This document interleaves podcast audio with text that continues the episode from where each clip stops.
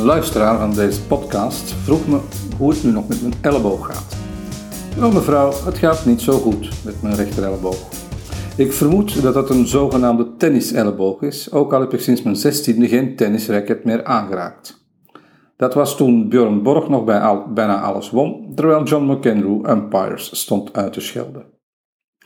De oorsprong van mijn pijnlijke pace was natuurlijk die domme val met mijn motor in het Indiase Manali, de dag voor mijn groepje motorrijders uit Vlaanderen zou arriveren om samen op een Royal Enfield de hoge Himalaya te trotseren. Ik wilde als verrassing voor het groepje nog snel t-shirts laten maken in het stadje. Die ochtend had de vrachtwagen ook alle motoren afgeleverd. Sharouk, de mechanicien waarmee ik al jaren samenwerk, ging pas de dag nadien arriveren om de motoren nog grondig na te kijken. Maar voor de korte trip naar het stadje kon ik alvast wel een motor nemen, dacht ik. De eerste die ik nam weigerde echter om te starten. In plaats van dat als een voorteken te zien, nam ik de volgende en die motor spinde als een naaimachientje. Het had geregend die nacht en de weg lag er glad bij. Toen ik goed vijf kilometer onderweg was, ging de auto voor me plots hard op de rem staan. De vrouw remde voor een grote plas en toen ik ook wilde remmen met de voetrem die op het achterwiel remt, weigerde die dienst. Nog niet nagekeken door Sharouk natuurlijk. In een reflex greep ik naar de voorrem en meteen flikkerde mijn voorwiel onderuit en lag ik in een plas op het asfalt. Pijnlijke elleboog, maar verder gelukkig geen erg. Tot ik de ochtend nadien moest vaststellen dat ik nog amper mijn kopje koffie kon optillen. En dus moest ik een beetje beteuterd aan mijn gasten vertellen dat hun gids de eerste dag van de tocht niet kon meerijden en vanuit de volgwagen de tocht zou begeleiden. Erg geruststellend voor mijn gasten was het allemaal niet. De dag nadien ging het al wat beter en besloot ik om de motor te nemen. Het gas geven bij het starten ging nogal moeizaam. Wel, om eerlijk te zijn, ging het eigenlijk niet. Ik moest mijn hand namelijk met de palm omhoog draaien om gas te kunnen geven. Ik heb zelden zoveel wenkbrauwen tegelijk zien fronsen als toen bij mijn motorgasten, die zich moeten hebben afgevraagd of ze inderdaad die halve gehandicapte gek gingen volgen op een van Swedels meest uitdagende motorroutes. Maar al bij al lukte het als ik mijn arm in een hoek van min of meer 90 graden kon houden. Een beetje wonderzalf samen met pijnstillers en een knelverband rond de pees hielpen me de bergen over. Het was dan ook met grote vreugde dat we twaalf dagen later allemaal min of meer ongedeerd het eindpunt van deze reis haalden. De stad Leh in Ladakh. Daar gingen we s'avonds gezamenlijk het afscheidsdiner nemen. Om daar te geraken namen we een lokale kleine taxi. Bij het uitstappen keukelde ik partoes in een half meter diepe betonnen greppel. Roosters op betonnen greppels zijn in India namelijk optioneel.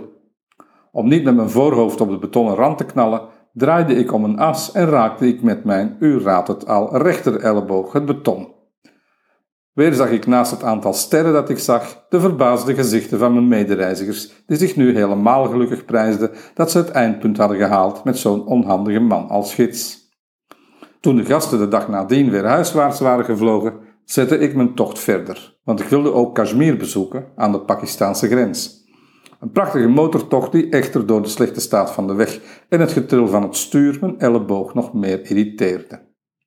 Ter hoogte van Dras, het tweede koudste stadje ter wereld, werd de weg door een politieagent omgeleid. Er was in het dorp namelijk een herdenking van een martelaar uit het jaar 600 en dus moest ik maar op eigen houtje zoeken hoe aan de andere kant van Dras weer uit te komen. In een scherpe haarspelbocht naar beneden bleek plots ook een heel diepe put te zitten. Ik knalde met de onderkant van de motor tegen de rand, waardoor en mijn elleboog en mijn voetrem een klap kregen. Mijn gevloek weerkaatste in dras nog steeds tegen de iets verderop gelegen K2-berg. En toen moest de Zojila-pas nog komen, die ik nu zonder voetrem en zonder kracht in mijn rechterhand moest nemen. De pas heet sindsdien voor mij de Godzilla-pas. Veilig in Srinagar aangekomen aan de andere kant, besloot ik om het bijltje erbij neer te leggen. Ik zette de motor op transport naar Delhi, nam enkele dagen rust en reisde verder per vliegtuig naar Amritsar, waar de Gouden Tempel staat. De rust in Srinagar had mijn elleboog goed gedaan. Ik kon hem opnieuw een beetje strekken en opgeruimd bezocht ik die avond een bar.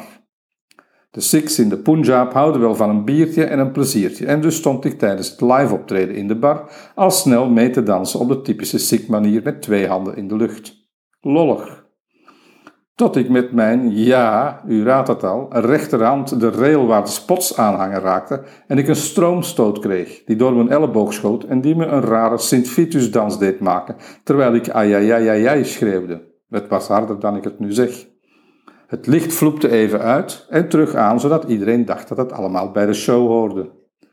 Zoveel enthousiasme van de enige blanke in de keet werkte aanstekelijk.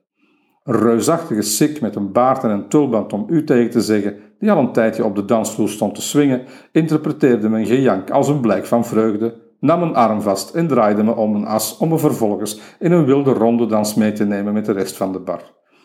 Mijn elleboog ging nu helemaal uit de haak en het kostte me drie dubbele whiskies om de pijn te verdoven. Maar wat een feest daar bij die Six.